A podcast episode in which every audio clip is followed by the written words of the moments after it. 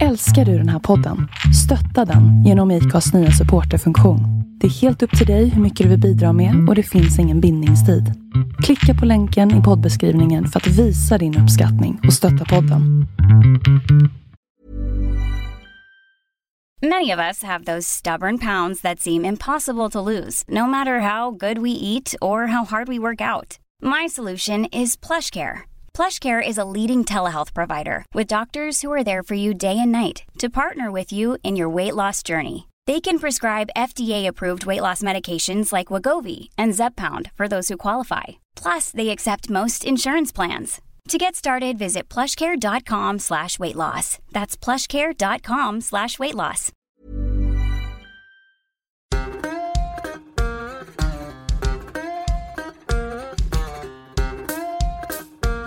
Ja, fast jag tycker nog att jag har följt dig tillräckligt länge på Twitter för att känna att det är eh, någorlunda safe. Ja, det är en vecka eller något. Så det är... Fast du har ju dykt upp i mitt flöde hela tiden. Mycket Ja, längre. jag är viral. Så är det. Eh, nej, den här podden handlar om att jag eh, är less på medieformatet som finns nu. Framför allt från, från de, de större kanalerna. Att så fort det blir spännande till exempel i Agenda eller Debatt eller SVT Opinion eller vad det, vad det heter den här veckan. Så byter de ämne. Alternativt plockar in en göteborgare i skinnväst som inte kan något. Ja. Så jag, jag ringer upp någon som jag tycker är spännande och låter den personen prata till punkt. ja.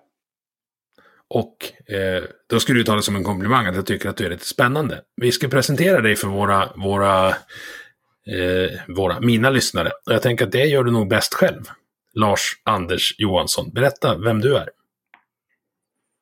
Jag brukar på Facebook presentera mig som sjöman och cowboy, musiker och artist. Och eh, åtminstone de två sista stämmer ju även med hur jag beskriver mig i mitt CV. Men utöver att vara trubadur så är jag också journalist och författare. Har jobbat som nyhetsreporter i många år och det senaste decenniet framför allt med eh, opinionsjournalistik, kulturjournalistik och eh, ledarskrivande. Jag var under ett antal år chefredaktör för samhällsmagasinet Smedjan och dessförinnan jobbade jag med kulturpolitiska frågor på näringslivets tankesmedja Timbro. Men nu är jag en fristående röst i debatten. Mm. Spännande. Och för transparensen då? Vi känner inte varandra sedan tidigare, men våra mammor gör det. Och jag tror aldrig vi har träffats. Nej, det stämmer nog också. Jag ska väl också säga att jag driver ju tillsammans med min tidigare kollega Blanche Sande en eh, konkurrerande podcast då, som heter Kompasspodden. Som utgår från ett frihetligt perspektiv och där vi diskuterar kultur och samhällsfrågor. Oftast bara vi två men ibland med inbjudna gäster. Mm, jag kan rekommendera alla, jag tänkte komma till det senare här, men jag kan rekommendera alla att lyssna på Kompasspodden. För det är ögonöppnande. Jag håller inte med om allt, men eh, det ger nya perspektiv. Framför allt det senaste avsnittet när ni pratade om österrikisk ekonomi. Eh, med, nu glömde jag namnet på han, men han hade översatt, Benjamin Julin. han hade översatt eh, von Mises Human Nature till svenska. Human Action. Human Action. Vilket, eh, ja, den bör man nog läsa. Det är ju en diger tegelsten. Ja, tusen sidor. Men du, eh, temat för dagens avsnitt är frihet. Skulle du kunna definiera vad frihet är? Så det finns ju många olika typer av frihet. Eh, så, och det beror lite grann på i vilket sammanhang man talar om frihet. När vi i Kompasspodden beskriver oss själva som frihetliga så rymmer det en eh, dimension som är både moralfilosofisk och politisk. Och det är viktigt också att understryka att vi använder det som ett relativt begrepp. Det vill säga eh, att no det kan vara mer eller mindre frihetligt. Eh, vi ägnar faktiskt vårt första avsnitt från i mars förra året åt att gå på djupet med hur vi definierar frihet och sen i det andra avsnittet så går vi på djupet med det vi uppfattar som de största hoten mot frihet. Men den här om vi tar den samhällsdefinitionen eller den politiska frihetsdefinitionen som vi använder oss av. Det är, det är framförallt en negativ definition av frihet, det vill säga frihet från tvång från andra människor. Och här kan det vara viktigt att göra en distinktion mot ett annat begrepp som har varit frekvent i samhällsdebatten under de senaste decennierna och framförallt då på den borgerliga kanten, nämligen begreppet valfrihet som ju inte är samma sak som frihet i den definition som vi använder. Hur, hur eh, differentierar du dem då? Frihet från tvång, det innebär att andra människor har inte någon rätt att inkräkta på dina individuella fri och rättigheter. Men det innebär inte att du per definition har ett, ett oändligt antal valmöjligheter. Eh, om man ska exemplifiera då. Eh, Robinson Crusoe på sin öde ö. Han är ju fri från tvång. Inga andra människor kan ju tvinga honom till någonting där. Men hans valmöjligheter är ju otroligt begränsade. Mm. Medan en person som med en normal inkomst som lever i Sverige idag har ju ett otroligt mycket större antal valmöjligheter. Från att välja hur den personen vill bo, till vad den vill äta, till vad den vill syssla med. Det finns hur mycket valmöjligheter som helst. Men en person i dagens Sverige är också underkastad tvång från andra människor, från myndigheter och så vidare. Eh, bara det faktum att staten gör anspråk på hälften av det som en genomsnittlig människa producerar är ju en stor inskränkning i friheten. Så man kan ha större valfrihet men lägre frihet utifrån den definitionen som jag brukar använda. Och vice versa. Ja, det där är spännande. Jag försökte, i och med att det ska vara temat idag, att, att definiera frihet för mig. Och det kan vara så att det blir lite kitschig nu, men frihet för mig definieras just nu av motorcykeln jag har i garaget. Och eh, skaka inte på huvudet eh, än. Alltså så här, jag har inte ens motorcykelkörkort. Men bara att den står där ute och jag vet att om jag skulle behöva göra en reset på min hjärna, för jag mår väldigt bra av att köra motorcykel, så kan jag ringa min granne eller bror och, och utövningsköra i en timme och så mår jag jättebra. Och bara att jag har den, eh, vad ska jag säga, ventilen gör att jag kan pusha mig själv längre i vardagen i, i en situation där jag kanske inte mår superbra. Eller, eller trivs jättemycket. Alltså någonting som ska vara, alltså fakturering till exempel är ju inte jätteroligt. Men då kan jag säga att ja, men så här, jag fakturerar nu och sen kanske jag åker motorcykel. Jag behöver inte ens åka hojen efteråt. Är du, är du med på vad jag menar? Utan bara att, att friheten finns där betyder inte att man måste nyttja den till sin fulla bredd. Nej, alltså friheten att avstå är ju också en frihet naturligtvis. Men jag kan känna igen det där. Eh, jag tycker ju om att segla. Det är ett av mina stora fritidsintressen och jag tycker också om att vandra i skogen och att vandra på fjället. Och där upplever jag ju en annan typ av frihet. Visst, där, visst finns den där känslan av att man är fri från tvång från andra människors eh, inskränkningar. Men det handlar ju också om en känsla av att man kan röra sig fritt vart helst man vill, att man inte hålls tillbaka av några begränsningar. Egentligen så är ju friheten om man befinner sig uppe på fjället eller ute på havet i den här valfrihetsbemärkelsen ganska begränsad. Du har ju tämligen få valmöjligheter men känslan av frihet, upplevelsen, är ju större. Ja men du har, du har ju också verkligen fritt val mellan de valmöjligheterna. Det är ingen som påverkar dig där ute på öppet hav åt vilket håll du väljer att styra rodret. Nej, och där är det ju då också tydligt att ens handlingsfrihet begränsas ju av väder och vind till exempel. Men inte av andra människor och det är ju det centrala i, i eh, den här negativa frihetsdefinitionen.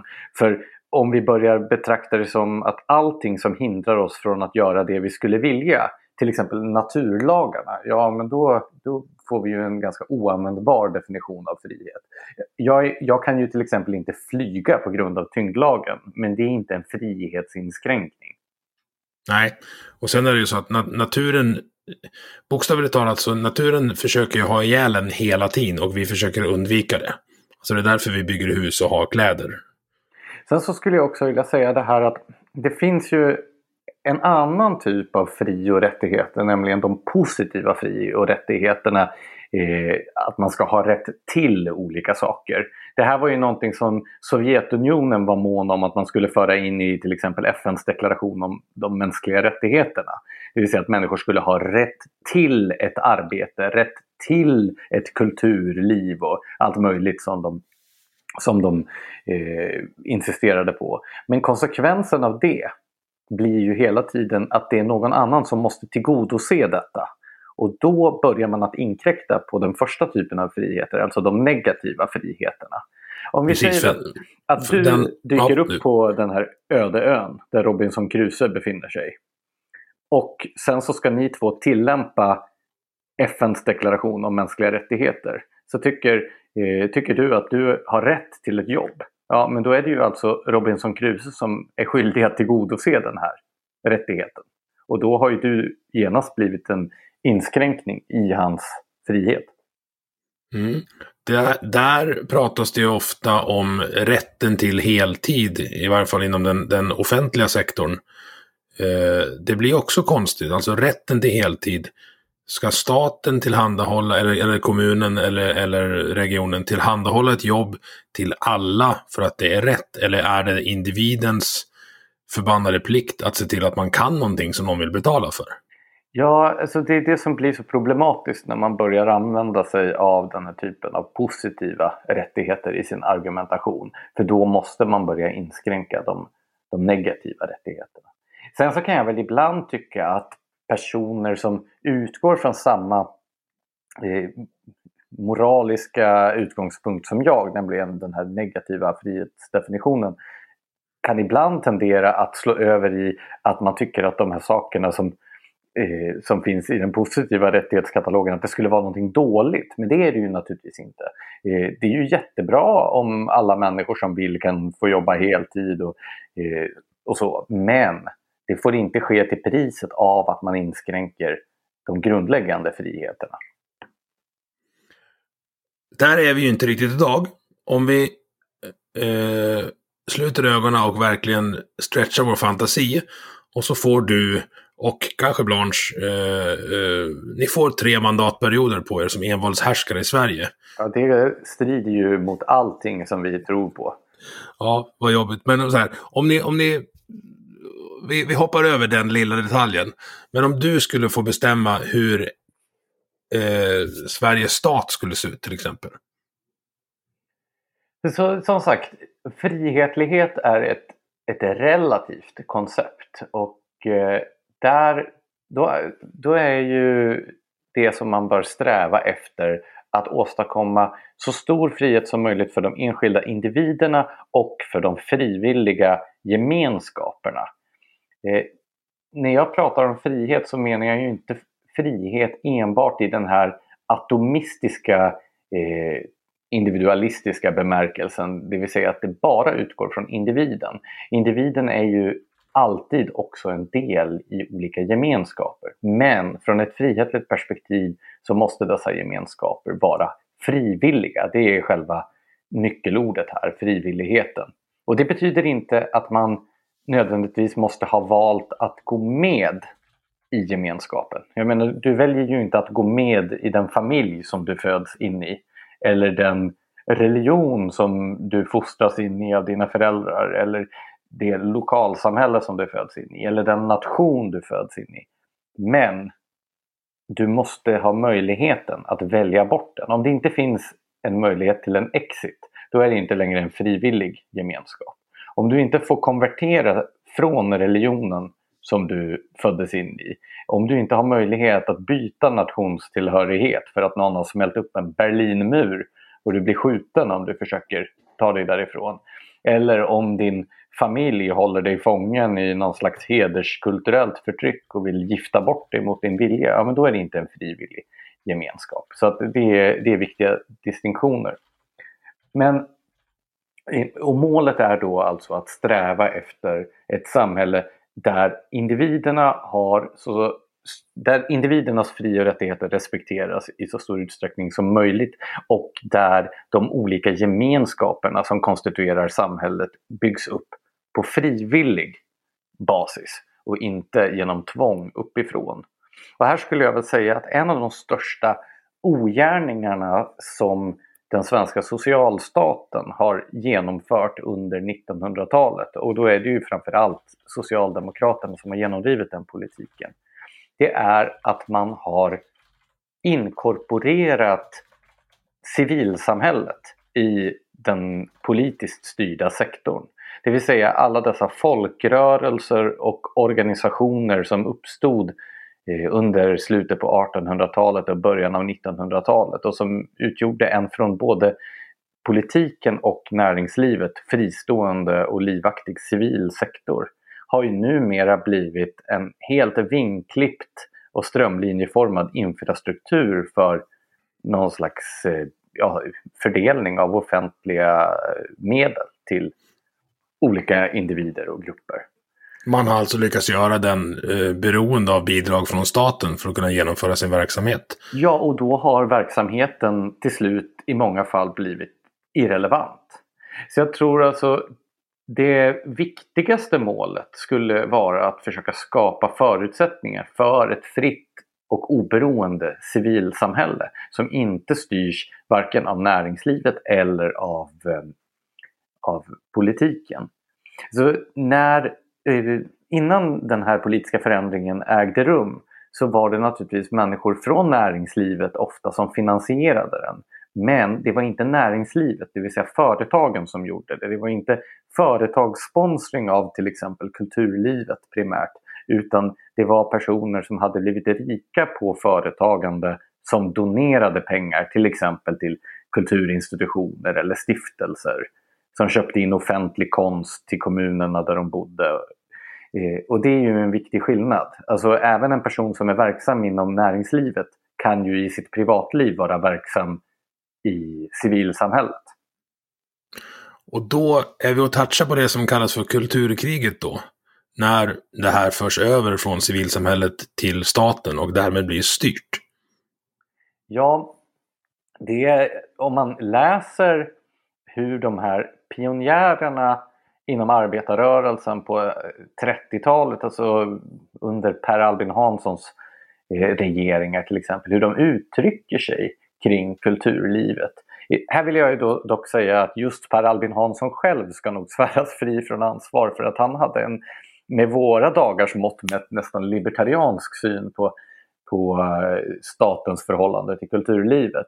Men däremot hans ecklesiastikminister, alltså föregångare till dagens kulturministrar, eh, Arthur Engberg var otroligt radikal i detta. Och det är där på 30-talet som man grundlägger synen att politiken ska gå in och styra och ställa i kulturlivet.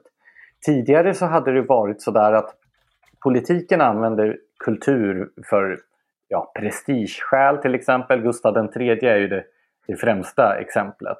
Men då var det inte så att han gjorde anspråk på att gå ut och styra och ställa i hela kulturlivet, även liksom finansiera enskilda eh, artister och musiker och konstnärer eh, ute i bygderna. Utan där handlade det om att man skulle starta stora prestigeprojekt som skulle ge glans åt kungen och åt staten. Alltså operan och de kungliga akademierna, Dramatiska teatern och så vidare. Och det är en annan sak. Där är det snarare så att kungen eller staten är mecenater bland andra mecenater. Det fanns ju, kyrkan var ju också kulturmecenater och en massa rika adelsmän och så vidare.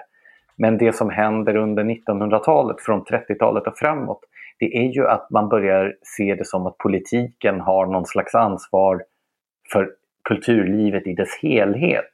Och man börjar bygga upp en infrastruktur för hur man med skattemedel kan eh, finansiera Eh, de olika konstarterna och så vidare. Och med den typen av finansiering så kommer ju också styrning. Det kanske inte är uppenbart i början men efterhand så tilltar ju den här styrningen. Sen ska vi också komma ihåg att det här var 1930-talet. Det är en period som verkligen präglades av en tilltro till politikens möjligheter att lägga alla samhälls områden till rätta på ett eller annat sätt. Det var ju de här olika totalitära ideologiernas storhetstid, om man nu ska använda det begreppet. Då det var både stalinismen och nazismen och fascismen som, som stod på sin topp. Och eh, Arthur Engberg inspirerades direkt av Josef Goebbels kulturpolitik i Tredje riket till exempel. Även om inte han, eh, Engberg själv var nazist på något sätt. Men just idén om hur man skulle kunna organisera politisk styrning av kulturlivet inspirerades därifrån. Ja, och problemet som jag ser med det, det är ju att när då, när då den politiska majoriteten skiftar så ska hela kulturen skifta också. Och det, det går ju inte. Alltså kultur är ju... Så här, jag, prov, jag provar en tanke på dig. Borde inte kultur kunna överleva av sig själv? Och kultur som inte kan överleva på grund av att ingen är intresserad av den borde självdö? Nej, det håller jag inte riktigt med om. Men jag, jag, innan jag besvarar det så vill jag invända mot en sak du sa, sa tidigare. Den här politiseringen handlar inte egentligen om att den politiska majoritetens uppfattningar hela tiden ska få genomslag i kultursektorn utan det är mer intrikat än så.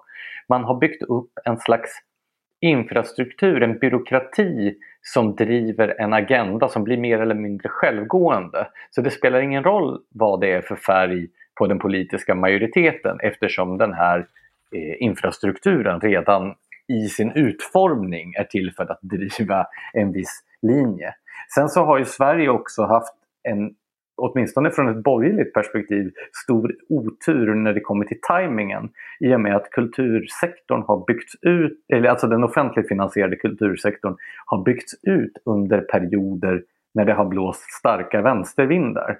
Vilket har gjort att de nya institutionerna och byråkratierna har tenderat att befolkas med människor från den radikala vänsterkanten. Och det betyder att när vänstervinden har blåst över så sitter de här människorna kvar på sina poster i institutionerna och styr över då, eh, den kulturella byråkratin. Och det har gjort att eh, det har funnits en politisk slagsida i den här sektorn oavsett vad det har varit för färg på den politiska majoriteten. Och det här måste man ha med sig också när man följer de debatter som har varit om eh, politisk styrning av kulturlivet. När politiker ibland går in och försöker företräda medborgarna mot det som kommer inifrån kulturbyråkratin. Då ropar de här aktivistiska byråkraterna rakt ut och tycker att nu är det ministerstyre och så vidare. Men det är själva problematiken. Om det finns agendasättande aktivister på myndigheter och sen finns det politiker som försöker företräda medborgarnas önskemål om en annan linje. Ja, då måste man ju fråga sig, vad är egentligen politiseringen? Är det aktivismen på myndigheten eller är det politikern som försöker driva en agenda? Kan det finnas ett visst mått av eh, preferenser där att folk som eh, betraktar sig som vänster på det politiska eh, spektrumet är mer intresserade av kultur och att det därför blir en högre densitet av dem inne på kulturinstitutionerna? Jag tror faktiskt inte att personer som är vänster är mer intresserade av kultur. Det här är en ganska sentida föreställning. Eh, så sent som på 70-talet så ansåg man ju både inom socialdemokratin och eh, inom den radikala vänsterrörelsen, alternativrörelsen, att kulturlivet var en av flera borgerliga bastioner. Där man menade att de statliga institutionerna de var liksom borgerliga och förstockade och gammaldags. Och sen fanns den kommersiella amerikaniserade populärkulturen som också var borgerlig. Det var därför man startade hela progrörelsen som någon slags motreaktion. Och sen och det, så, ja, förlåt. Nej, och det ledde sen att man vart livrädd när folk började sätta upp parabolantenner. Ja, för då, då kom ju den här amerikaniseringen rätt in i vardagsrummen. Jag minns det där, när jag växte upp så eh, fanns det protester i kvarteret när det planerades att dras in kablar för kabel-tv eftersom man fruktade att det skulle leda till fördumning och amerikanisering. Så människor kunde alltså inte nöja sig med att själva låta bli att titta på de här kabelkanalerna utan de ville inte ens att det skulle dras in kablar för grannarna skulle inte heller riskera att utsättas för det här.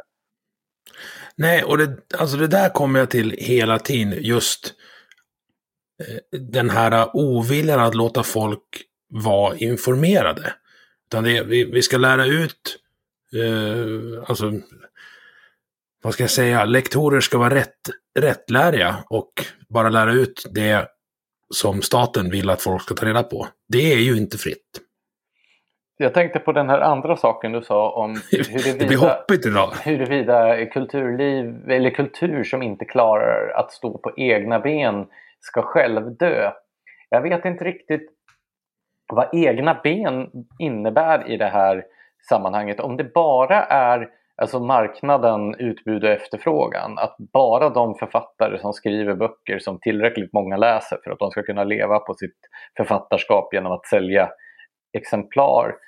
Då, då håller jag nog inte med. My, otroligt mycket av den rent kvalitetsmässigt bästa kulturen är ju inte kommersiellt gångbar. Och en hel del av det som är kommersiellt framgångsrikt är ju inte nödvändigtvis av hög kvalitet. Här stödjer jag mig då på en tänkare, sociologen Hans L. Zetterberg som han räknades som Moderaternas chefsideolog en gång i världen, skrev idéprogram på 80-talet och sådär. Men han menar att samhällets olika sfärer måste förstås utifrån deras egen inneboende logik. Och då identifierar han sex sfärer då som utgör den centrala zonen som han kallar det. Och det är politiken, näringslivet, eh, kulturen, religionen, eh, moralen och vetenskapen. Och alla de här följer en egen logik och har sina egna hierarkier. Och om man eh, försöker tillämpa logiken från en av de här sfärerna på en av de andra så kommer det att bli ja, det, kommer helt enkelt att bli ett sämre utfall. Och jag skulle säga utifrån den analysmodellen att vi har en tendens i Sverige idag att bara ha två logiker. Eh, lite hårdraget kan man säga att högern i Sverige har under efterkrigstiden tenderat att försöka tillämpa den ekonomiska logiken på alla sfärer och vänstern har försökt tillämpa den politiska logiken på alla sfärer. Så till exempel då på kulturlivet så har man från högerhåll anfört just det argumentet som, som du hade nyss om att ja, men om den inte bär sig på marknaden så, så förtjänar den inte att överleva. Jag kanske hårdrog mig lite, eh, alltså om jag, om jag omformulerar mig. Om den inte håller på marknaden så går det inte att leva på uteslutande den för utövaren. Det betyder ju inte att kulturen försvinner. Fast jag är inte säker på vad en marknad är i det Nej, men den, den, behöver inte, den behöver inte ens finnas, eh, kulturmarknaden. Folk eh, sjunger ju i kör även fast ingen lyssnar. Det är ju kulturutövning. Sen finansierar de sitt eh, uppehälle och liv genom att eh, arbeta övrig, övrig timmar. Då finns det fortfarande kultur som inte fungerar på marknaden, men det betyder inte att den dör ut. Så jag var lite hård i, mitt, i min... Fast eh, det måste också, menar ju jag, finnas en kultur som varken är kommersiell i bemärkelsen att den vänder sig till en bred publik eller bara amatörkultur, det vill säga folk sjunger i kyrkokören eller spelar i spelmanslaget. Jag menar ju att ett samhälle också behöver en professionell kultursektor i smala genrer som kanske bara når ut till en viss grupp, en smal men kvalificerad publik. Och egentligen så tror jag att de kulturpolitiska debatterna handlar i hög utsträckning om ja, men hur ska den här professionen finansieras? Och på vänstersidan har man ju det tydliga svaret. Där, där tycker man att den här kulturen ska finansieras med skattemedel. Men från ett högerhåll så är, borde den självklara invändningen mot det vara att ja, vi tycker att den här kulturen är viktig, men genom att underkasta den den politiska sfären så skapar man en maktkoncentration och en uppenbar risk för politisk styrning av den kvalificerade kulturen. Och eftersom vi inte vill se en styrning av kulturlivet från politiskt håll så måste vi hitta andra typer av finansieringar. Har du ett, ett, exempel på när, när sånt funkar? Eller hur det skulle funka? Ja, tänk för att jag har det. ja, jag misstänkte det. Innan 1930-talet. Och det här är ju det som är den här förbjudna historieskrivningen. För vi är ju båda uppvuxna i en period när det socialdemokratiska narrativet eh, har varit otroligt starkt och kolporterats i både skolan och i medierna. Och det går ju i korthet ut på att eh, först var Sverige hemskt och fattigt och ondskefulla eh, fabrikörer skodde sig på arbetarklassen. Sen kom socialdemokratin och då blev det välstånd och demokrati och lycka. Och det här är ju en sanning med ett stort Nej, det det av, av modifikation.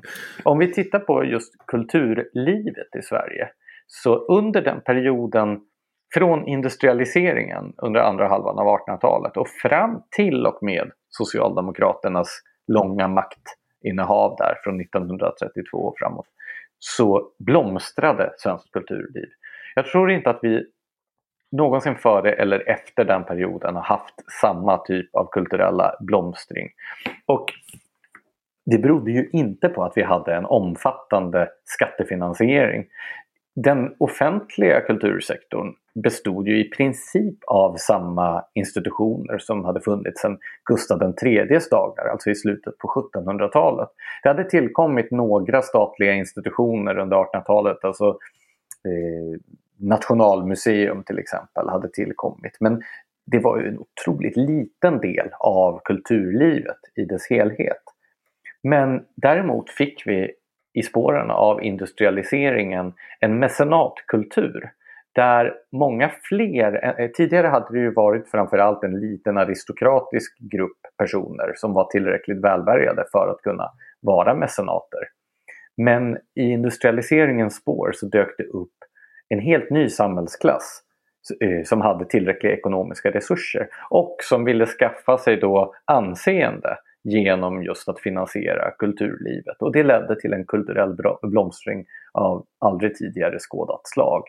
Och det kan vi ju se idag också spåren av. Många av de kulturinstitutioner som vi idag tar för givna och som nu då finansieras offentligt tillkom med helt privata medel eh, och på privata initiativ.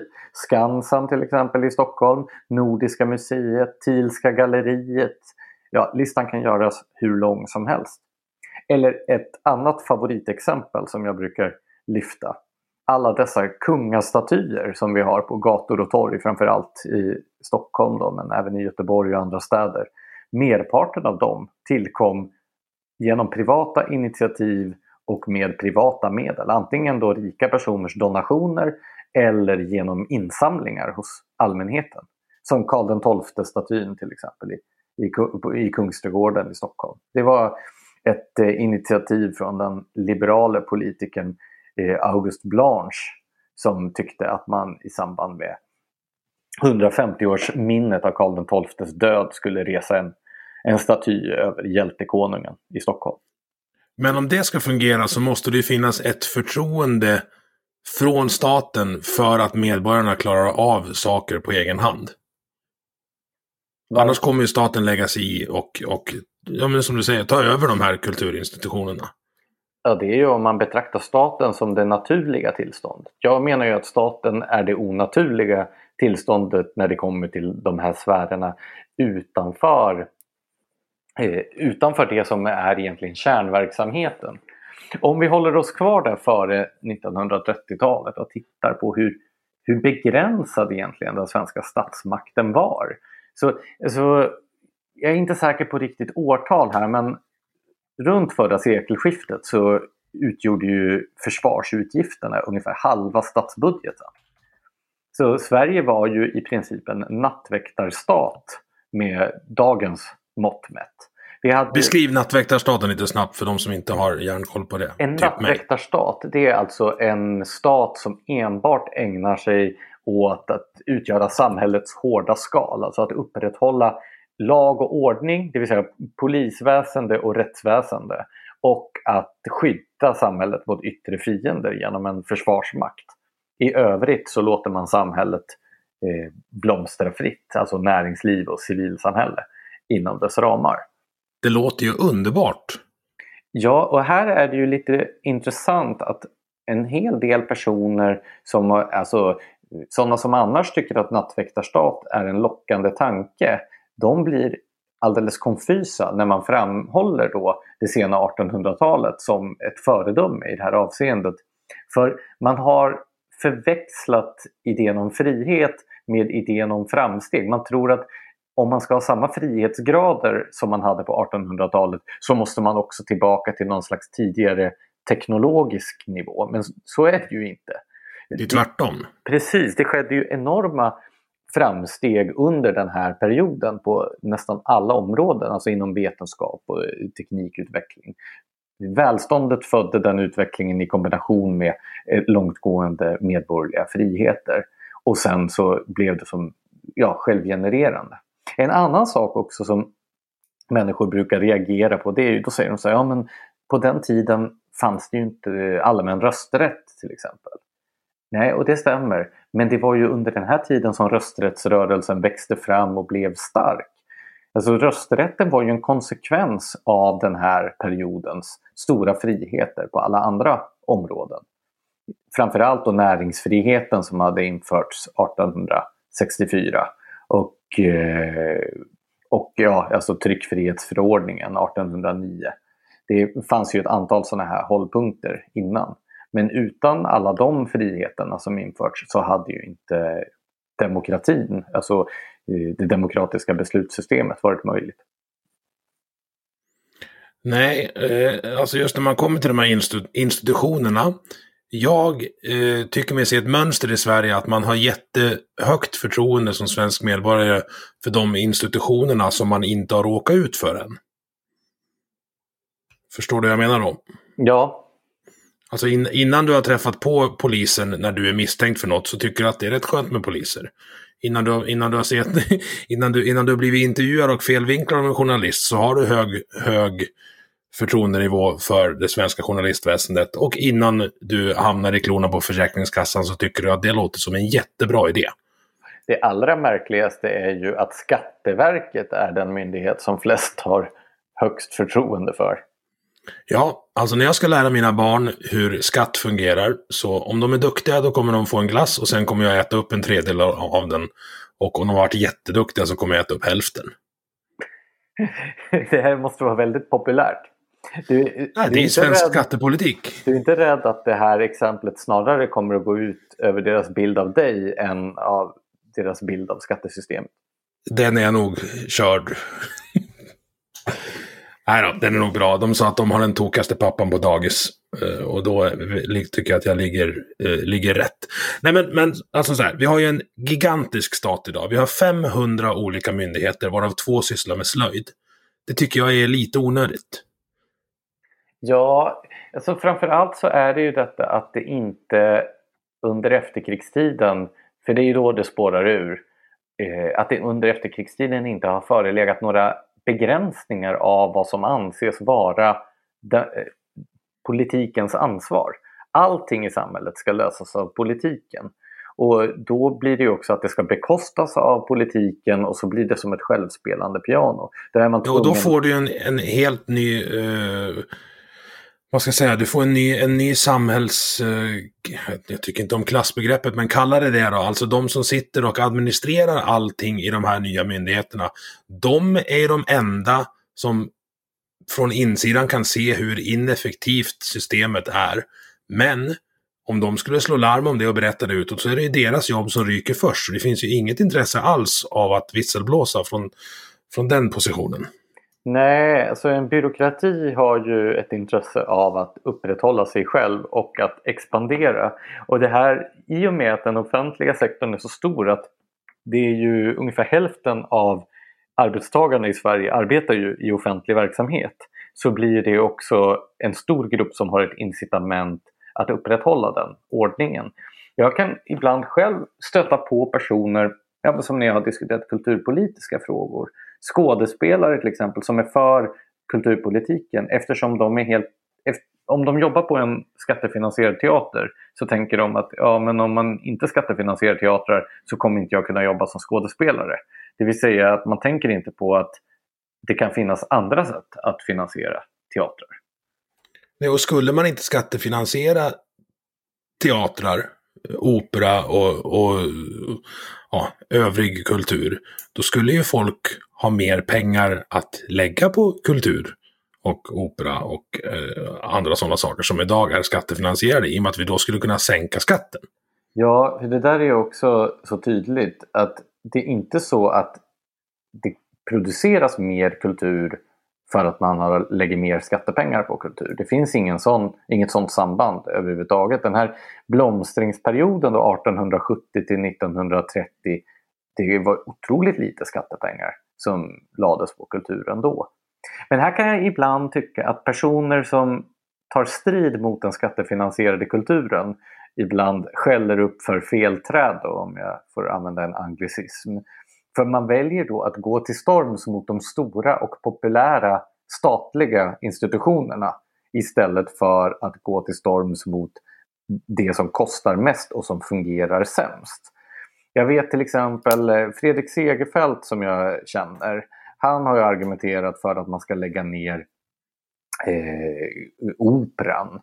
För, och så har han framfört argumentet att varför ska undersköterskan betala för Östermalmstantens operabiljett? Men jag tror att man gör sig själv en otjänst om man argumenterar på det sättet. För jag tror just att den typen av institutioner som Operan eller Dramaten eller Nationalmuseum finns det en ganska stor förståelse för att det finansieras med skattemedel. Medan däremot en massa andra typer av projekt. Jag har genom åren skrivit om massa sådana här eh, vansinnesprojekt. Det sticker i ögonen på folk. Ja, du får ingen förståelse för undersköterskans uh, tvång att finansiera operan från mig, så det får du nog sälja in lite bättre. Jag tror så här, om man frågar, om man frågar den här fiktiva undersköterskan då, vad hon tycker känns mest ovärt att betala skatt för. Eh, att man har ett levande operahus i Stockholm eller att man uppe i norra Kvarken bedriver ett konstprojekt där publiken ska utgöras av dagmaskar och skalbaggar. Då tror jag faktiskt att hon skulle vara mer beredd att betala för operaföreställningarna. Även om hon inte ens gick och såg dem. Ja, nu har jag varit på Östermalm och jag umgås hellre med skalbaggar och maskar. Okej, okay. ja. Lite, lite hårdraget kanske. Nej, men jag, jag tycker att det finns... Eh, när, när jag ska prata frihetlighet och eh, sänkta skatter med, med mina kamrater här ute i skogen så brukar jag ta fem minuter och förklara för dem att de under vapenhot tvingas att finansiera Melodifestivalen just nu. Ja. Och då bara så här, nej men det är inte under vapenhot. Då, då, och då går jag full Jordan B. Peterson på dem och säger så här, men så här, vad händer om jag inte betalar skatten då? Ja, då får du en påminnelse. Ja, om jag inte betalar den. Och sen går man hela den trappan. Till slut kommer någon hem och hämtar dig. Men jag tror så här, eh, Melodifestivalen sticker ju ögonen just för att det är ju någonting som verkligen skulle kunna bära sig kommersiellt.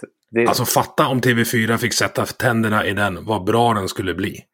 Ja, jag vet inte. Jag är ju ingen stor anhängare av slager oavsett. Men eh, jag tror ju inte att det behöver ju inte skattefinansieras.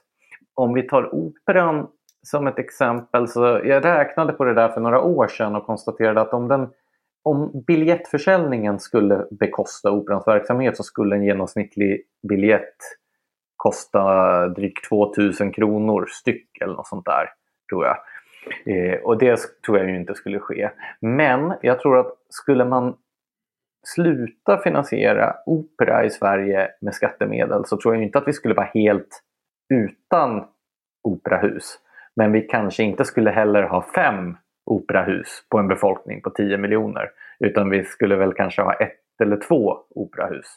För det om man kollar på hur det ser ut i USA så är det väl kanske så proportionerna ser ut. Snarare att det är ett operahus per 10 miljoner amerikaner eller något sånt där.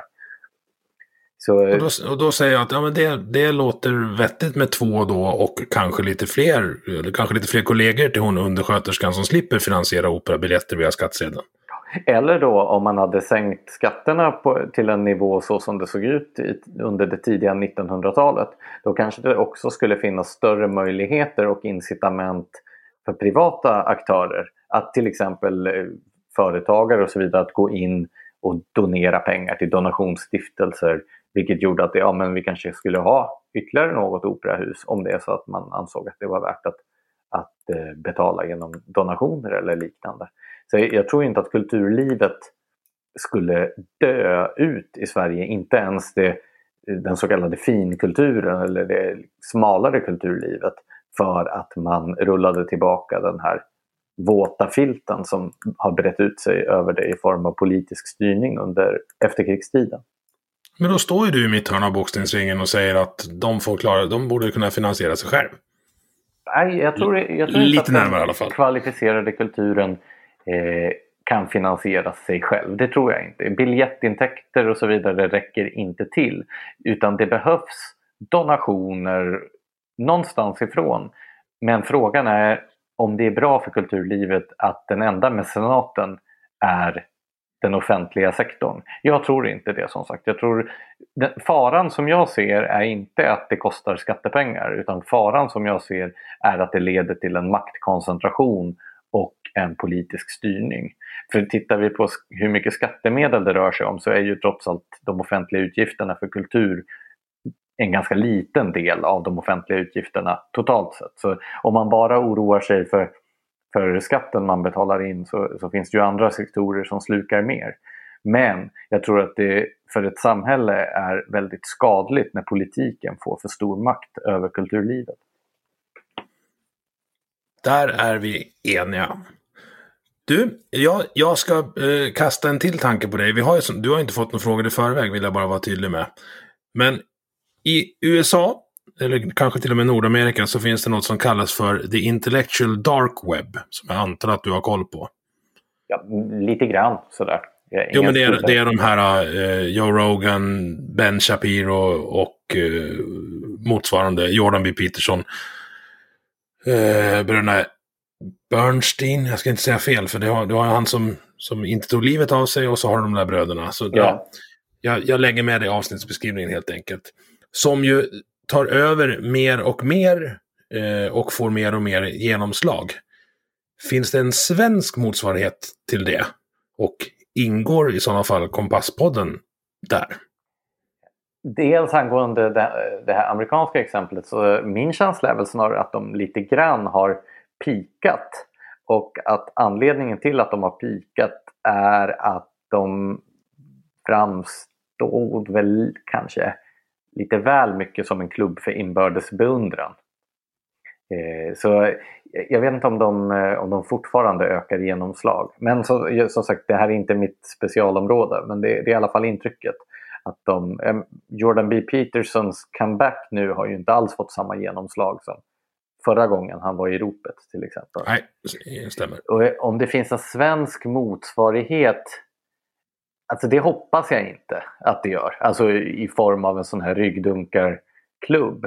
Däremot... Nu, tänk, nu tänker jag mest på att en, en, eh, en såhär, alternativmedia som inte ser ut som den alternativmedia vi är van vid, det vill säga eh, ja, dårarna, eh, tar mer och mer plats. Jag tänker vi har, här, om, jag, om jag skulle räkna upp vilka vi har i Sverige, eller några av dem som vi har i Sverige som jag tycker man kan lyssna på för att få vettiga perspektiv. Så vi er. Vi har eh, Smultronstället med Sandra Ilar och Martin Bukt. Vi har framför allt eh, gänget på sista måltiden som behandlar svensk migrationspolitik på ett sätt som jag inte har sett någon annan göra. Eh, har du lyssnat på dem någonting? Ja, absolut. Eh, förstår, förstår du vad min, vad min poäng är i att när de, när de diskuterar, för de är ju, de heter Mustafa Mohammed och, eh, och, så, och så vidare. Vilket gör att de blir jättesvåra att rasiststämpla för de som är, har som modus operandi att så fort någon står lite till höger om Socialdemokraterna så är man fascist.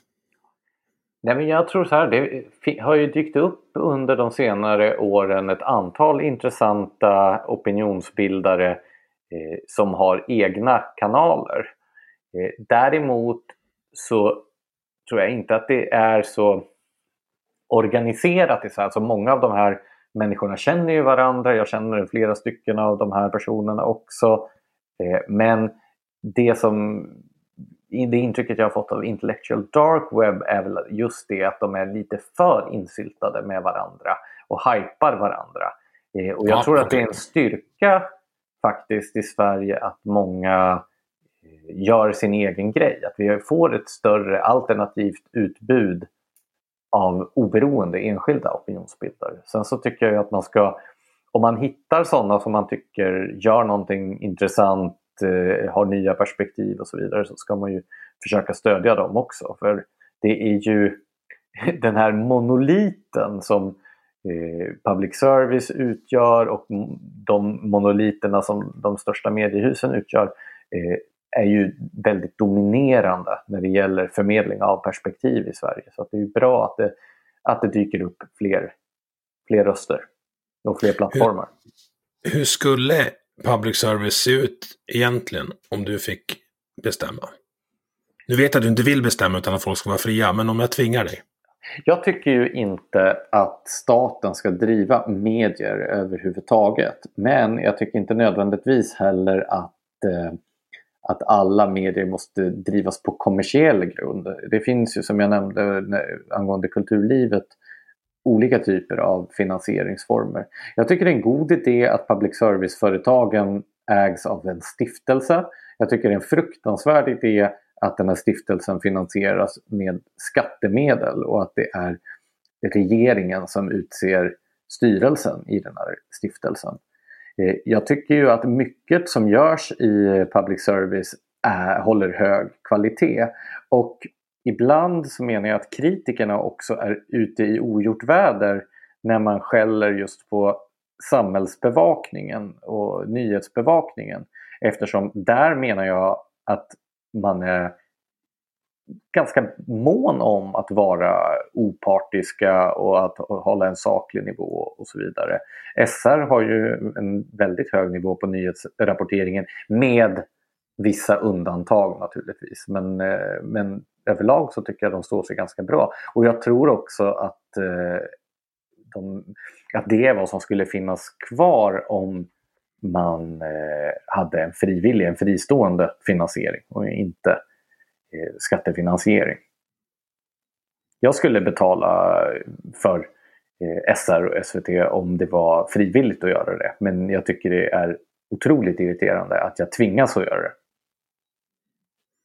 Ja, och då, kom, då kommer vi tillbaka till det här att för, för att de som bestämmer idag ska släppa det fritt så till den att, att det blir valfritt Eh, så måste de ha förtroende för dels att medborgarna tycker att det är viktigt med den här typen av rapportering, men också att eh, de är villiga att betala för det.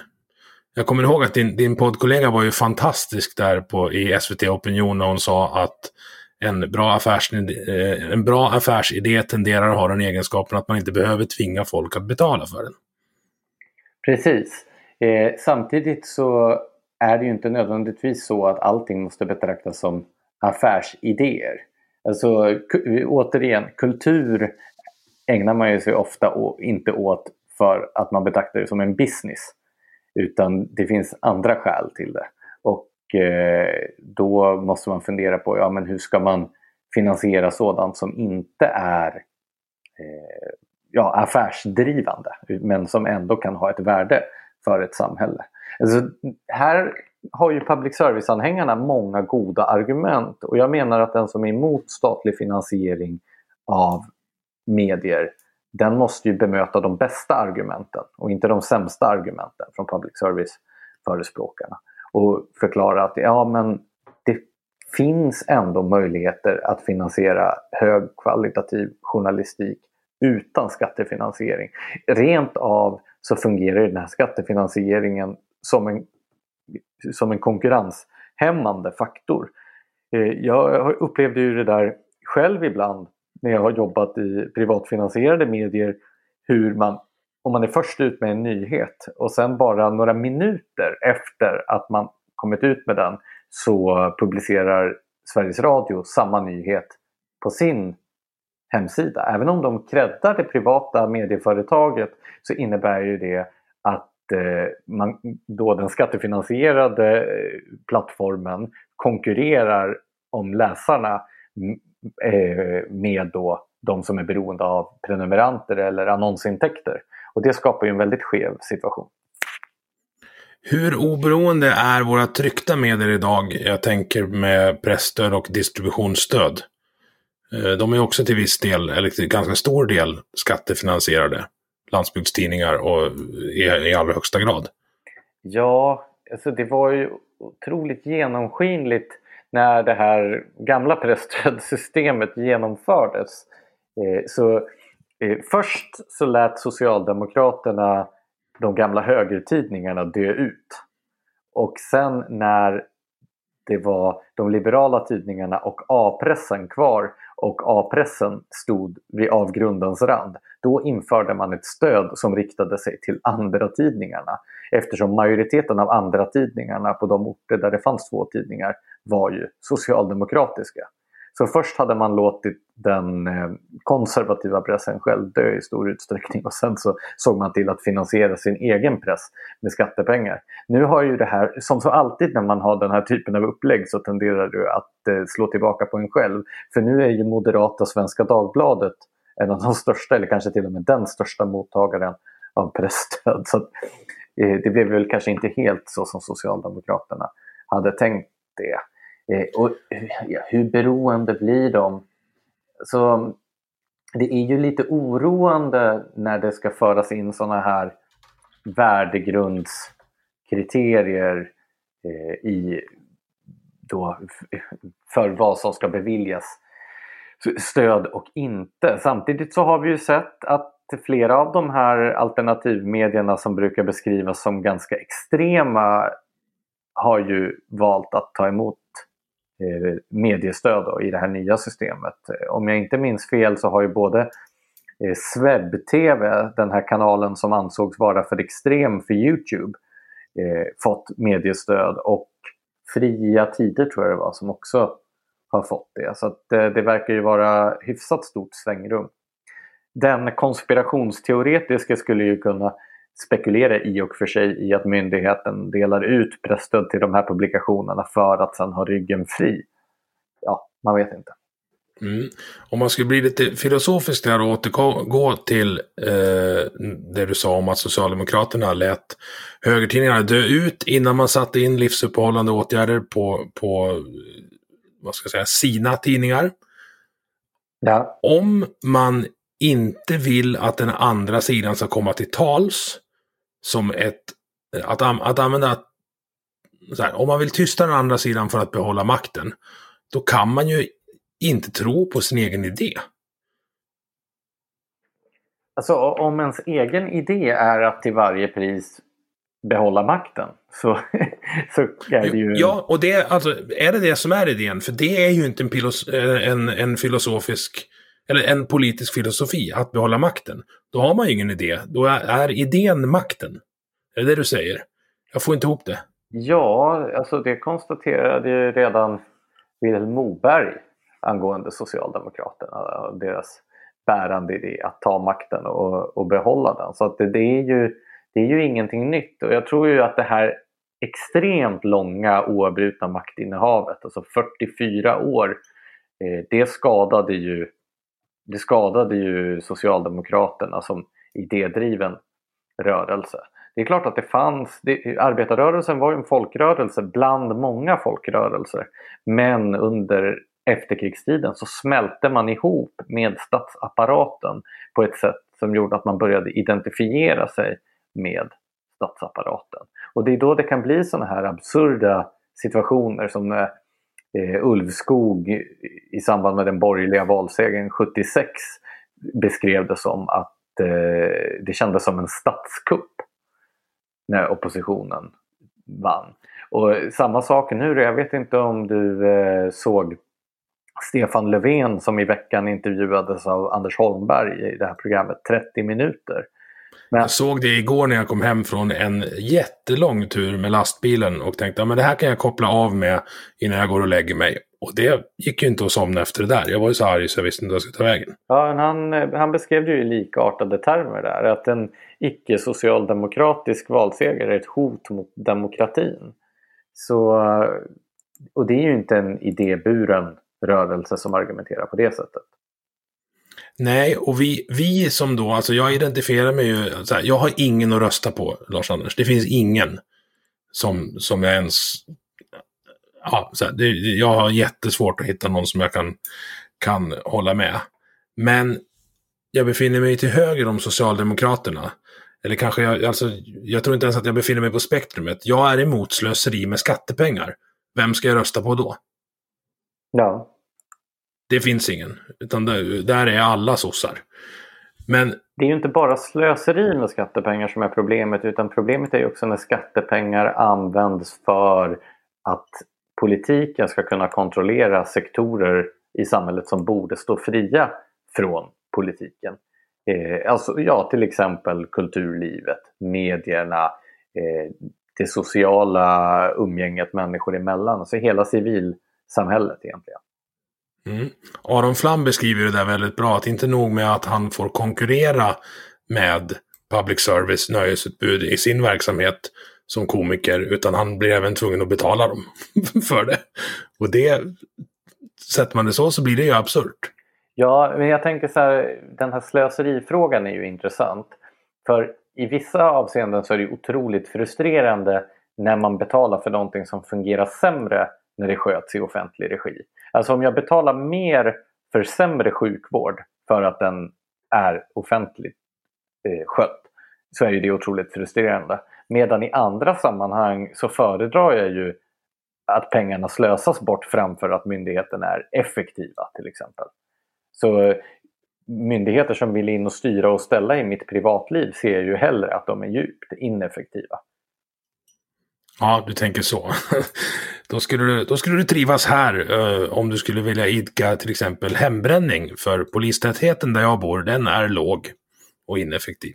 Ja, men nu kanske det sitter poliser och, och lyssnar på den här podcasten och så kommer du och knacka på dörren. Det var ju utanför Orsa va? som det var ett märkligt polisingripande nyligen mot några jägare ute i en jaktstuga där de satte in helikoptrar och allt möjligt för en nykterhetskontroll enligt uppgift från polisen.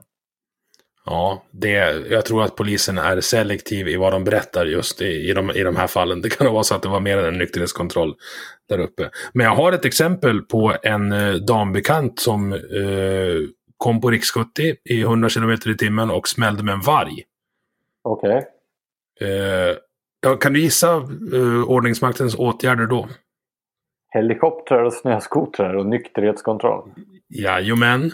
Och eh, ingen, hon stannade kvar där, så det var en nykterhetskontroll och en upprättan av anmälan om grovt jaktbrott samt en helikopterfärd för obduktion till Uppsala för vargen. Ja, och då kände du hur dina skattepengar användes på ett ansvarstagande sätt? Kände jag att det var rimligt faktiskt. men jag har ju sett det här också vi är ju båda eh, supportrar till olika idrottslag. Och eh, i samband med allsvenska fotbollsmatcher så kan det ju vara skrattretande oproportionerligt stora polisinsatser. Alltså i samband med matcher som är så långt ifrån så kallade högriskmatcher som man kan komma. Och så sätter man in en hel armé av poliser trots att polisen går ut offentligt och klagar över att de har så lite resurser så att de kan inte ta tag i den tunga gängkriminaliteten. Nej, men det handlar ju om, om uh, att, vis, att det är viktigare att det ser bra ut än att det är effektivt. Vilket är ett jättestort problem i alla institutioner. Ja, och det är ju dessutom, jag menar, här, om du var polis vad skulle du tycka var obehagligast att möta? Eh, fredliga idrottsåskådare som bara är där för att titta på sitt lag eller tungt beväpnade gängkriminella som är förhärdade av en våldsam livsstil sedan barnsben? Ja, det hade ju varit lättare att, att eh, ställa sig bredvid hästarna och småvisitera Hammarbyare, måste jag säga. Jag vill inskärpa att jag inte är Hammarbyare. Du, vi kommer prata om, om ditt förräderi mot ditt moderslandskap lite senare i podden. Så det, det är jag jättenyfiken på. Du, eh, jag kan inte låta bli att fråga dig vad du tycker om Bulletin-haveriet eh, de senaste veckorna. Jag tycker det är tråkigt att ett eh, sånt nytt initiativ slutar på det där sättet. Jag är jättebesviken för jag tänkte att wow, det här, det här kan bli bra. Kvartal är ett jättebra inslag i, i mediafaunan. ni också, Kompasspodden och likadant de här poddarna. Men Bulletin var ju verkligen en stor satsning. Men så här i, i efterhand, de försökte skapa ett kollektiv av svensk medias största individualister och så sket det sig. Det är inte jättekonstigt egentligen. Nej, men vi ser väl det ganska ofta på, på högerkanten. Det verkar som att man har svårt att, att uh, hålla sams och, och dra jämnt. Ja, det är ju inte, det finns ju inga, ingen kollektivistisk grundmurad livsåskådning att bygga det på. Nej, precis. Där är ju faktiskt eh, vänstersidan mycket bättre om vi bara talar ur ett opinionsbildningsperspektiv. Där finns ju det här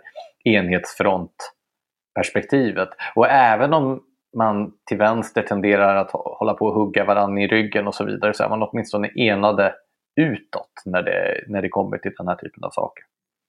Ja, och de kör ju någon slags Thunderclap-version. Eh, det är mycket synkroniserade tweets eh, som man ser. För jag försöker verkligen följa. Så här, jag avföljer väldigt sällan på Twitter om jag väl har börjat följa någon. Men jag försöker att följa folk från hela spektrat för att försöka skapa mig en bild. Jag lyssnar till och med på åsiktskorridoren från Aftonbladet, även om det är plågsamt ibland. Eh, men nu, kör, nu är det mycket synk på, alltså Strandhäll och Johansson och Anders Lindberg twittrar samma saker inom loppet av 15 minuter. Det är inte en slump. Nej, det ska bli intressant att se om den socialdemokratiska smutskastningsstrategin funkar den här gången också. Jag uppfattar det som att det är ett, ett högt spel. De satsar allt på samma, på samma kort. Otroligt högt spel. Eh, det där diskuterade jag också med, med både Jens Rundberg och Henrik Johansson i tidigare avsnitt som ni gärna får gå tillbaka och, och lyssna på. Alltså den här hur man har trott att samma hanteringsstrategi av Sverigedemokraterna när de misslyckats kapitalt tre gånger ska funka en fjärde gång. Kan du snälla hjälpa mig att förstå hur de tänker? Ja, nu är ju strategin vad jag förstår att försöka misstänkliggöra borgerligheten. jo, men alltså, stra ju... Strategin är ju, är ju i grund och botten att prata om vad de andra gör fel istället för att visa upp sina egna idéer. Snälla, kan någon bara göra det? Berätta så här, vad vill ni förändra? Skit i vad de andra har sagt, skit i vad de andra har gjort. Bara berätta hur du ska göra det här bättre för mig. Så kanske jag kan tänka mig att lyssna. Men det är ingen som gör det. Nej, men det behövs inte. För saken är den att eftersom Socialdemokraterna redan har, eller fortfarande har det så kallade problemformuleringsprivilegiet som författaren Lars Gustafsson myntade en gång i världen så är alla andra tvungna att förhålla sig, eller alla andra beter sig som om de är tvungna att förhålla sig till deras problembeskrivningar. Och det gör att när Socialdemokraterna går ut och säger att eh, Moderaterna är halvnazister, då ägnar sig Moderaterna åt att försvara sig mot den problembeskrivningen istället för att argumentera för sina egna ståndpunkter och bara vifta bort det här bruset från S. Och då kokar vi ner till det här att eh, om du börjar prata om andra så kan du inte vara helt säker på att din egen eh, teori fungerar i praktiken. Ja, eller så lider man av dåligt självförtroende eller ja, det kan finnas många olika förklaringar till det. Men det har ju funkat för Socialdemokraterna ett antal gånger tidigare. Så det var ju otroligt skickligt av Stefan Löfven, ett konsortes, att splittra den borgerliga alliansen och eh, locka över Centerpartiet och Liberalerna på, på sin planhalva. Och nu försöker man ju åstadkomma något liknande. Alltså när man inte har lyckats eh, få bort Sverigedemokraterna genom den här typen av negativa kampanjer, ja, men då riktar man nu in sig på M och KD istället för att försöka eh, Eh, göra dem omöjliga. Både för att säkerställa att de liberala mittenpartierna inte ska vilja ha med dem att göra men också för att väljare... Eh, jag tror, jag tror de, deras analys ser ut som så att man tror att det är sannolikare att väljare väljer bort M och KD för att de inte gillar SD än att SD-väljare skulle välja bort SD. För de anses redan förlorade, så att säga. Det var ju när Sverigedemokraterna kom upp och börjar närma sig 4 där så var det ju...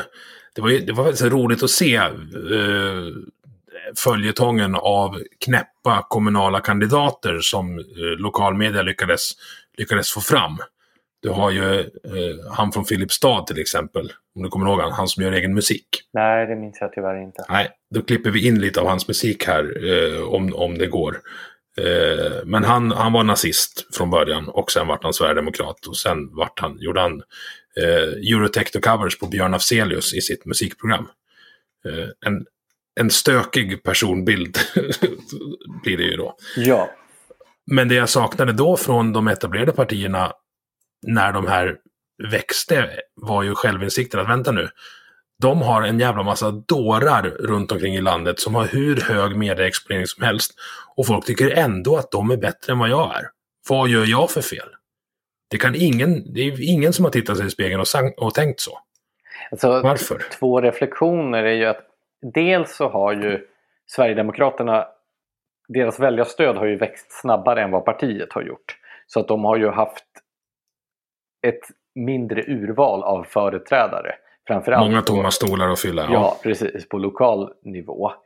Eh, och sen det här stigmat också som det innebär i många sammanhang att komma ut som Sverigedemokrat har ju gjort att många kloka människor kanske har dragit sig för att ta förtroendeuppdrag för Sverigedemokraterna.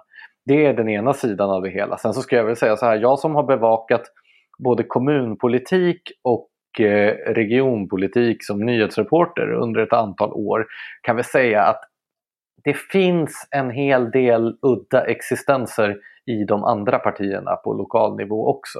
Det är bara det att Enig. de exponeras inte i samma utsträckning. Sen tror jag absolut att Sverigedemokraterna av de skäl som jag nyss angav kanske har en högre andel excentriker och personer som inte borde vara politiker.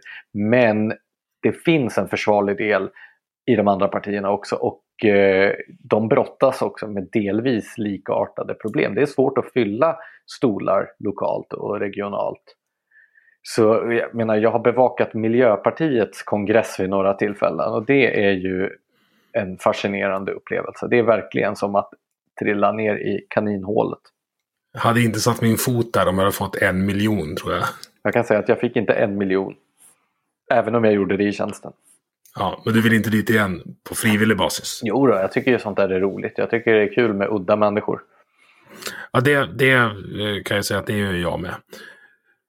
Eh, när jag lyssnade på er förra veckan så pratade ni bostadspolitik och det är också där du är aktiv nu va? Eh, ja, bland annat. Eh, det, som, det som slog mig där är, och jag rekommenderar alla återigen lyssna på Kompasspodden förra avsnittet. Vad blir det för nummer på det då? Det var nummer 50. Och då är det så alltså att en majoritet av svenskarna vill bo som jag bor. I en villa med en familj. Eh, men det byggs ändå inte sådana bostäder i, i den utsträckningen som efterfrågan finns. Varför gör det inte det? Precis. Det här, förklaringen till detta är ganska komplex men det är uppenbart att bostadspolitiken och stadsbyggnadspolitiken i Sverige ända, under hela efterkrigstiden har gått på tvärs mot vad e- medborgarna efterfrågar. Eh, den här efterfrågan på småhus, alltså villor, radhus, kedjehus, den har varit konstant ända sedan tidigt 1900-tal. Mellan 70 och 80 procent vill bo i ett sånt hus. Och det gäller även dagens unga människor. Alltså personer som är under 25 vill inom en tioårsperiod bo i ett eget hus. Men endast vart femte hus, alltså 20% av husen som byggs idag, eller bostäderna som byggs idag, är småhus. Så man bygger alltså medvetet in ett underskott. Och det många kanske inte känner till det är ju att under miljonprogrammets dagar, alltså mellan 1965 och 1975, när man skulle bygga en miljon bostäder på tio år, då var var tredje bostad som byggdes faktiskt ett småhus. Så det var... För miljonprogrammet, det, det eh, förknippar jag inte med den idyllen jag bor i just nu. Utan det är ju betongkoloss med massa fönster. Ja, men var tredje bostad som byggdes inom ramen för miljonprogrammet var faktiskt ett småhus. Sen är väl kanske inte 60 och 70-talens villaområden de allra sexigaste så. Man brukar ju lite nedsättande kalla det för att man rullade ut villamattan. Det är ju sådana här massproducerade enhetliga villor som ligger på rad. Så. Men de är ju fortfarande mycket populärare än den här bebyggelsen som du beskriver, alltså flerfamiljshusen som byggdes under miljonprogrammet, som ju i efterhand har utvecklats till eh, socialt och etniskt segregerade enklaver. Delvis då på grund av den här typen av stadsplanering. Men det som skiljer dagens bostadspolitik egentligen från miljonprogrammet det är ju att idag sitter vi med facit i hand. Vi vet vad den här typen av bostadsbyggande leder till för, för eh, miljöer. Och ändå fortsätter man på det här sättet. Varför gör man det alltså? Grundar man det i någon slags ideologisk övertygelse om att folk ska inte ha det så jävla bra egentligen? Eller vad, vad jag, fatt, jag får inte det ihop. Ja, det, jag skulle säga att det är en tydlig sån paternalistisk inställning där politiker och samhällsplanerare har en uppfattning om hur de tycker att folk ska bo. Eh, jag har ju ett favoritexempel på den här ideologin som präglar myndigheternas syn. Eh, och det är Bo... Vad heter det? Oh, vad heter myndigheten? Boverket släppte en vision 2012 som heter Vision 2025. Som, där det är en video, man kan gå in på Boverkets hemsida och titta på den här. Det rekommenderar jag dig att göra. Vi länkar den i avsnittsbeskrivningen. Ja, och där kan man då se två fiktiva framtidsmänniskor från 2025 som talar om för då tittarna 2012 när den här videon släpptes hur man lever i framtiden. Och då bor de i den nya stationsstan som är ett modernt urbant stationssamhälle 15 mil från närmaste storstad. Och så finns det naturligtvis inga bilar och alla bor tätt och så cyklar de omkring och så har de, någon, de har en teater och en cykelverkstad och så pendlar de till jobbet med tåg. Eh, och det är så som myndigheterna vill att alla ska leva. Men som sagt, statistiken visar ju att människor vill inte leva på det viset. Ändå bygger vi för att människor ska leva på det viset. Och två bidragande orsaker till detta det är ju då den här ideologiska synen på kollektivtrafiken eller den spårbundna kollektivtrafiken. Att eh, spårbunden kollektivtrafik anses fin och eftersträvansvärd. Men eftersom den bara är motiverad där det är väldigt hög befolkningstäthet så måste man skapa fler områden med hög befolkningstäthet för att motivera utbyggnad av den spårbundna kollektivtrafiken. Istället för att fråga sig så här, hur vill människor bo? Jaha, de vill bo i villaområden. Och sen när man bygger villaområden så frågar man vad är bästa sättet att bygga kollektivtrafik för de här områdena? Istället resonerar man tvärtom och säger så här, vilken kollektivtrafik är bäst? Jo, det är tåg. Ja, vad behöver vi då bygga för bostäder för att skapa underlag åt spårtrafiken? Så människor är idag inte mål i sig själva utan de är istället då kuggar i ett maskineri eller de är någonting som ska motivera utbyggnaden av den här kollektivtrafiken. Sen finns det ju fler förklaringar naturligtvis. Det är lättare för kommuner att samarbeta med en stor exploatör som vi hellre vill bygga flerfamiljshus för att det är billigare och effektivare. De smäller upp några höghus och sen avyttrar de det som bostadsrättsföreningar än att man ska hålla på och planera för massa villatomter och sälja till enskilda villaägare. Eh, så det finns ju den typen av ekonomiska incitament naturligtvis också. Och det är också... Nu blir jag sådär arg igen eh, när, när, när du berättar. Och du berättade här i ert avsnitt 50 där också. Alltså jag tycker det här är fullkomligt vansinne. Vad kan jag göra för att stoppa det?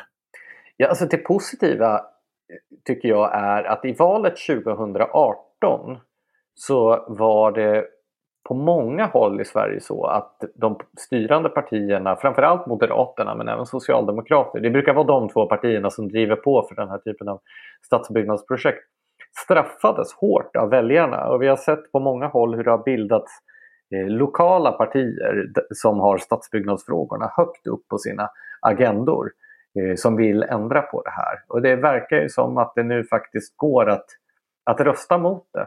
Jag tycker också att jag har iakttagit eh, en tendens, inte minst inom Moderaterna, till en omprövning av stadsbyggnadspolitiken på många håll och att man faktiskt har börjat att, att lyssna på, på sina väljare i en utsträckning som man inte gjort på länge. Så eh, jag tror faktiskt att eh, på den kommunala nivån kan man påverka det här. Sen finns det ju ja. på den statliga nivån oroande tendenser. Till exempel den här, ja, det pågår några utredningar just nu. Eh, bland annat då till exempel att kommuner, att man inte ska kunna sätta stopp för storskaliga eh, bostadsbyggnadsprojekt. För staten vill ju att man ska öka bostadsbyggandet eh, oavsett vad. Alltså den här typhusutredningen som då går ut på att man ska standardisera bostadsbyggandet ännu mer tycker jag verkar väldigt oroande. Så det finns ju negativa tendenser i samtiden också.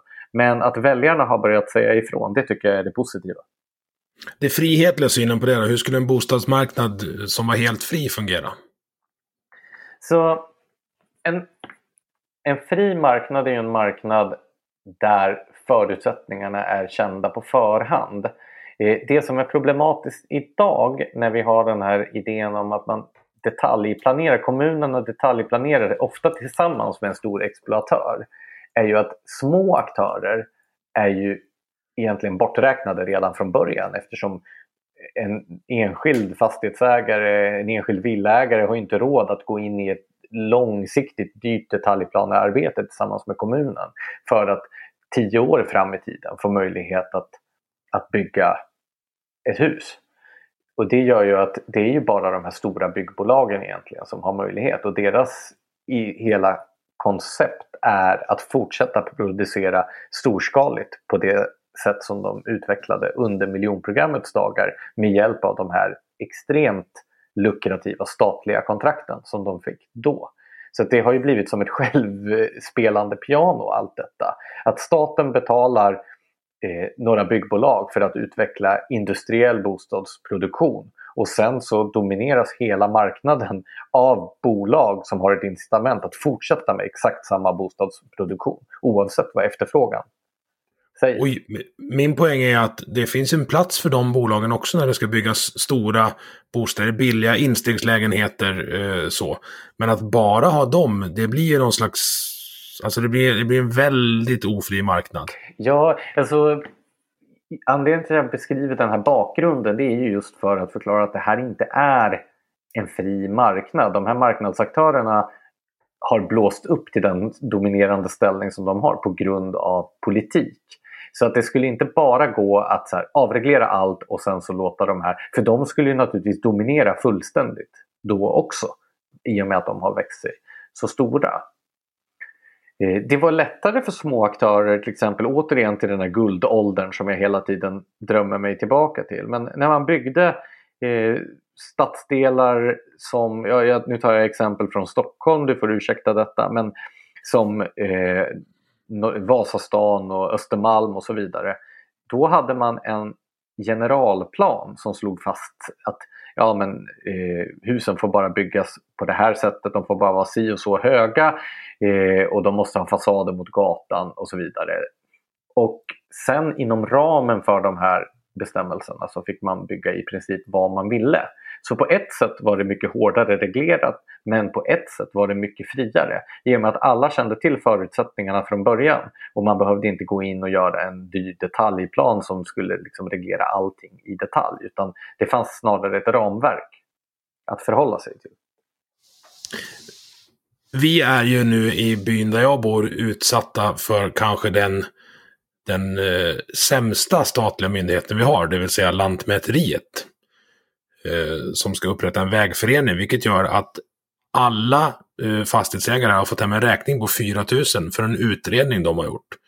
Någonting som ingen här har varken velat haft eller beställt. Eh, vad kan jag göra åt det då? Ska jag bestrida fakturan eller vad, vad, vad, tycker du? Är, det, är jag för sen?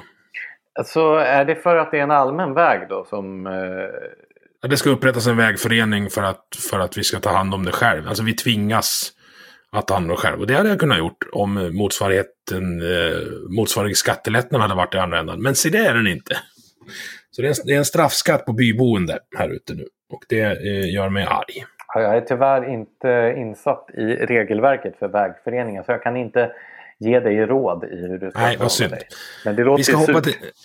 Ja, det är skitsurt så att säga. Vi, vi har pratat ganska länge. Det är två saker jag vill ta upp till. Strandskydd är ju också någonting fullkomligt helt vansinnigt som vi framförallt har här ute i skogen. Det finns, jag räknar, jag tror att det finns 400 sjöar bara i den här kommunen. Varav många är bevuxna med tallskog hela vägen ner till stranden, det vill säga allmänhetens tillgång till dessa är noll. Men du får inte bygga hus där, för att det är för nära vattnet. Ja. Eh, jag rankar det som en tia på vansinnhetsskalan. Ja, men det här är ju ett exempel på den här storskaligheten. Alltså när det ska vara samma för alla överallt, alltid. Jag tycker det här är typiskt en sån det här är en typisk sån typ av regelverk som borde beslutas lokalt av de boende. Jag är ju för decentralisering i nästan alla former. Jag tror större enheter leder till större byråkratier och större ofrihet och mindre inflytande för den enskilde. Så decentralisera mera. Jag tror att en av de olyckligaste utvecklingarna i Sverige politiskt var ju kommunsammanslagningarna som så gott som alltid ledde till att precis den typen av miljöer som du bor i fick minst att säga till om i sitt närområde. Eh, jag vill ju se en återgång till mindre kommuner där den politiska makten befinner sig närmare medborgarna. Där medborgarna ja, är den politiska makten. Som på Åland till exempel, där man fortfarande har de här pyttesmå kommunerna. Och en fråga som strandskydd till exempel, det borde ju då regleras i den lokala kommunen. För som det är nu, då har vi ett regelverk som är anpassat för förhållandena i Stockholms skärgård.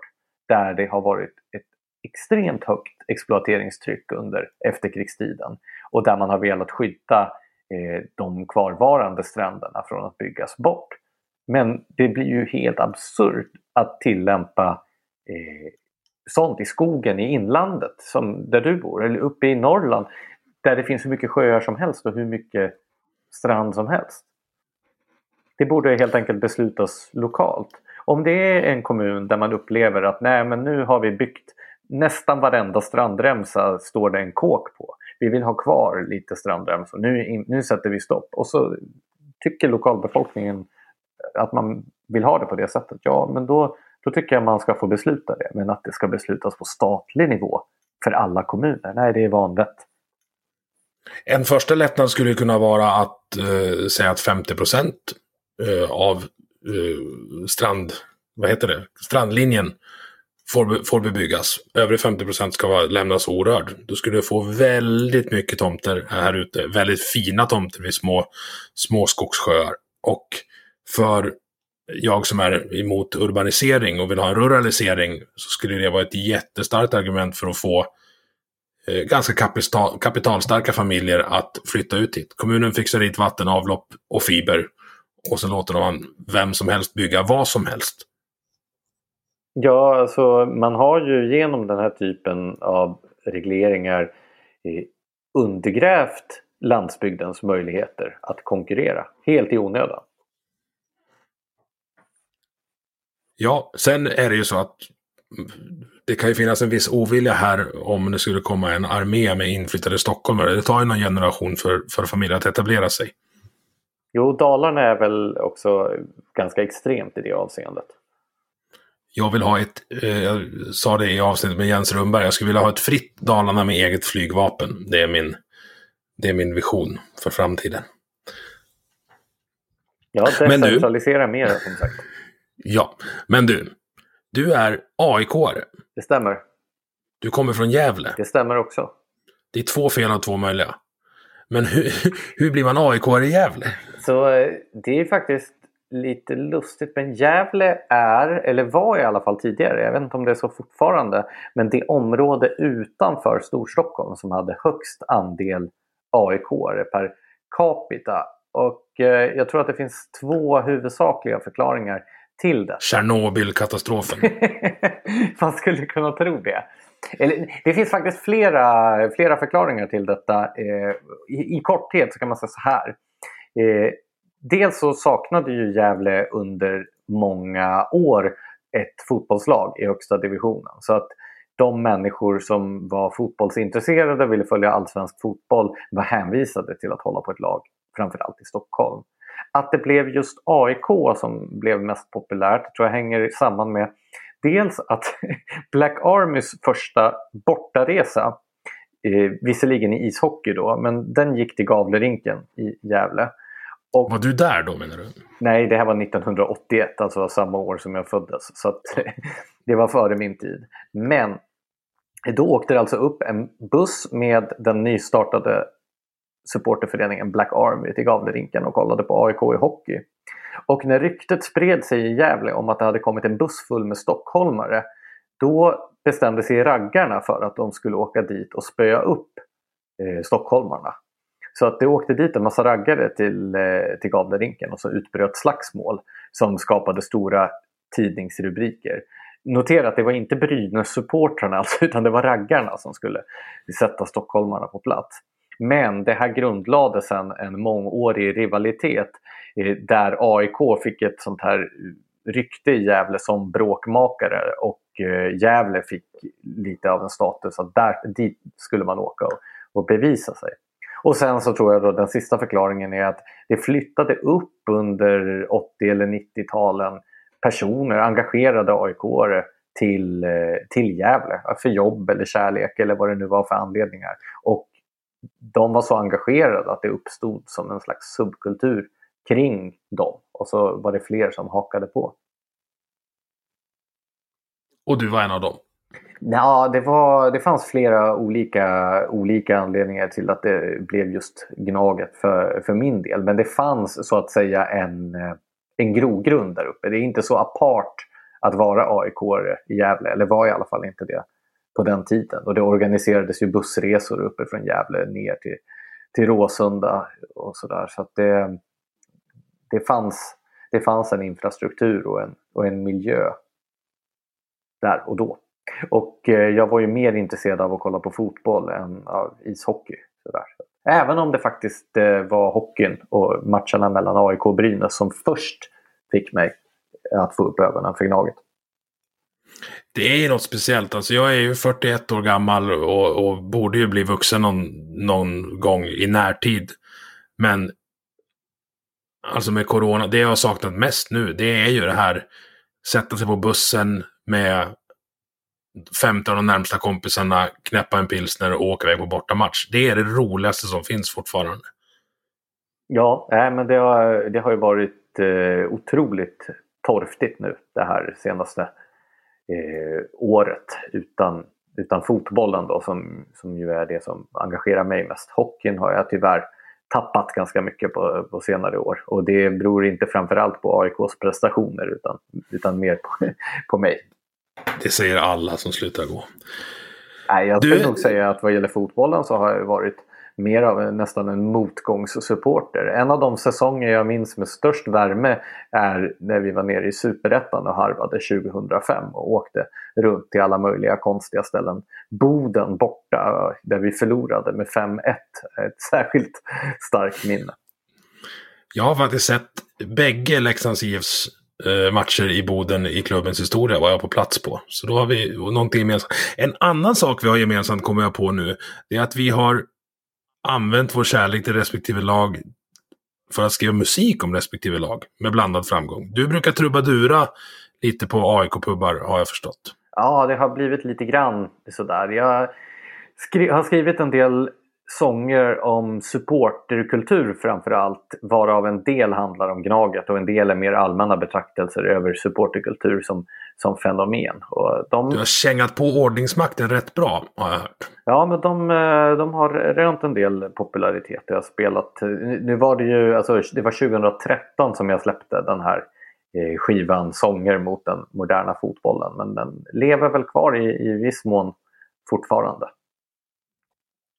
Ja, det känns som att vi skulle kunna prata i en och en halv timme till ifall jag börjar nämna villkorstrappan och Björn Eriksson. Så vi, vi pausar det och kanske tar det vid ett senare tillfälle. Ja, det låter som en bra idé. Jag gav dig en uppgift innan. Det har varit svårt att få ihop det här för du har lagat båtmotor. En båtmotor som är en, en, eh, ett running gag i Kompasspodden. Så återigen, in och lyssna på det.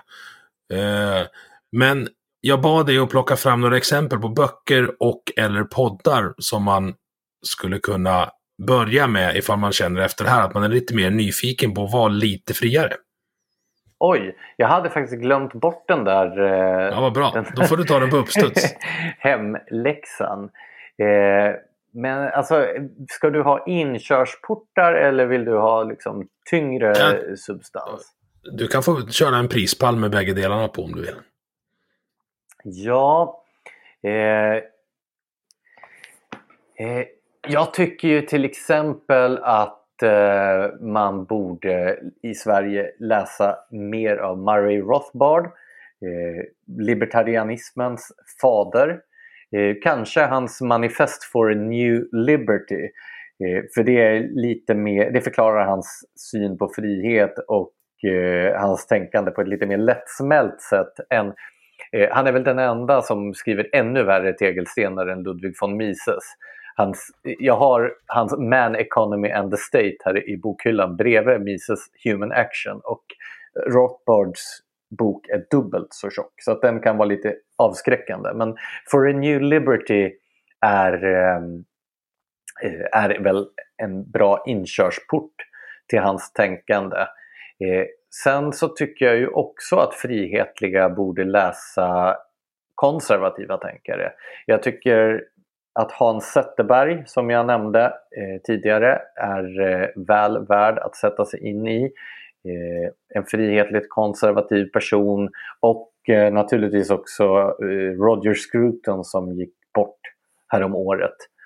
Eh, kanske att man skulle läsa hans bok Green Philosophy som ger ett konservativt och menar jag även frihetligt perspektiv på miljöfrågorna som ju är eh, på tapeten nu för tiden. Mm, du, du öppnar maskhål och kaninhål åt mig nu. Alltså när, så här, konservatism, jag har eh, Frida Park på ingång eh, för att bena ut vad det är. Ja. Eh, jag, jag blir ofta, så när jag säger att ja, men jag är liberalkonservativ, hävdar jag. Och då säger eh, folk att ja, men de två går inte att kombinera för de är motsatta. Då hävdar jag att det är de inte alls. Utan jag tycker Eh, sammanfattningsvis, jag tycker att folk ska få göra i princip vad fan de vill, men jag tycker att jag ska slippa betala för det. Nej men eh, det där är ju eh, det är så fånigt när folk säger att liberalism och konservatism inte går att förena. Alltså det finns liberalismer som inte går att förena med vissa konservatismer, absolut. Men liberalkonservatism är en tanketradition med mer än hundra år på nacken och inte konstigare eller mer motsägelsefull än till exempel socialliberalism. Men sen finns det ju annan konservatism som inte alls är liberal och andra former av liberalism som inte alls är konservativ. Men liberalkonservatism är, är ett vedertaget begrepp och en, en hundra år gammal politisk åskådning. Så att, ja, jag menar att, att invändningarna är trams.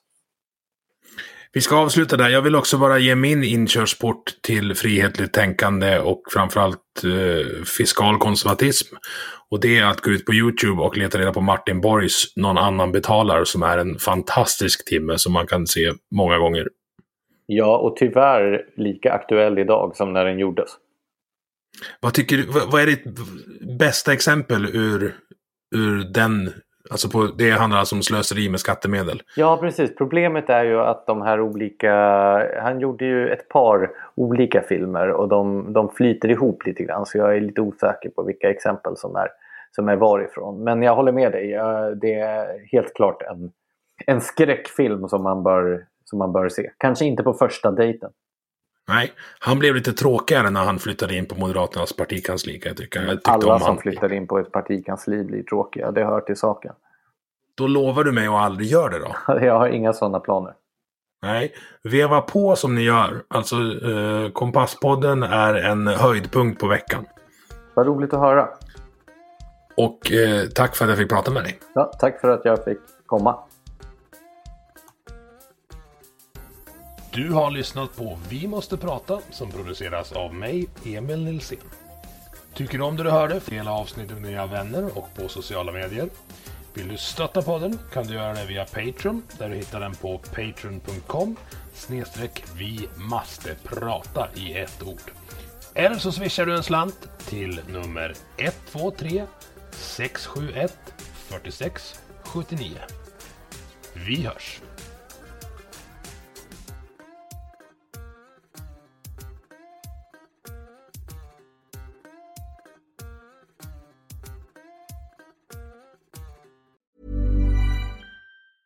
A lot can happen in the next three years. Like a chatbot may be your new best friend. But what won't change? Needing health insurance. United Healthcare Tri Term Medical Plans are available for these changing times. Underwritten by Golden Rule Insurance Company, they offer budget friendly, flexible coverage for people who are in between jobs or missed open enrollment. The plans last nearly three years in some states, with access to a nationwide network of doctors and hospitals. So, for whatever tomorrow brings, United Healthcare Tri Term Medical Plans may be for you. Learn more at uh1.com.